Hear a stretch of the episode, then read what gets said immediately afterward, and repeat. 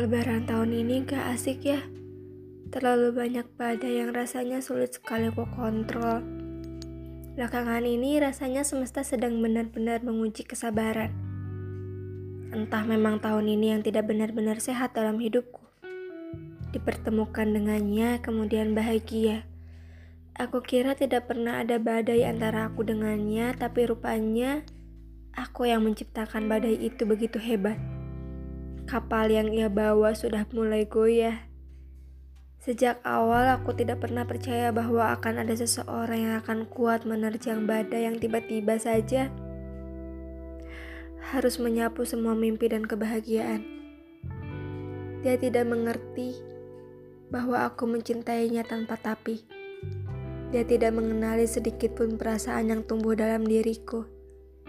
Benarkah dia mencintaiku? Atau hanya sekedar ingin tahu. Aku sudah amat berterima kasih kepada semesta karena telah menghadirkan sosok berharga sepertinya.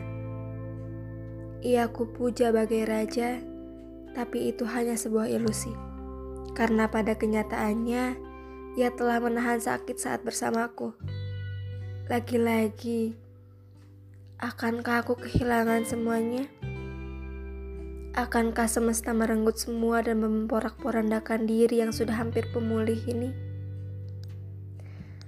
Aku ingin merubah badai ini, tapi tidak cukup tenaga. Aku ingin dia mengerti bahwa mencintainya adalah hal yang paling menyenangkan. Tapi ternyata baginya, mencintaiku bukanlah hal yang menyenangkan. Dia tidak pernah senang saat bersamaku karena yang kuberi hanya rasa sakit yang tidak pernah bisa ia ucap. Seharusnya aku bisa belajar dari badai yang aku dapat di masa lalu.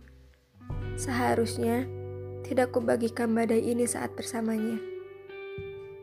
Aku tidak tahu apa dia akan mendengar ini, tapi aku berharap ia.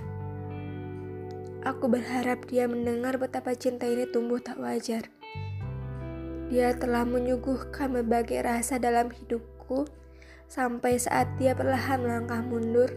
Aku tidak bisa mengecap rasa apa pun dalam diriku. Kehilangan yang tidak pernah aku inginkan. Aku berdoa agar semesta tidak pernah curang dalam takdirku. Aku berdoa agar tidak pernah ada kehilangan atas dirinya.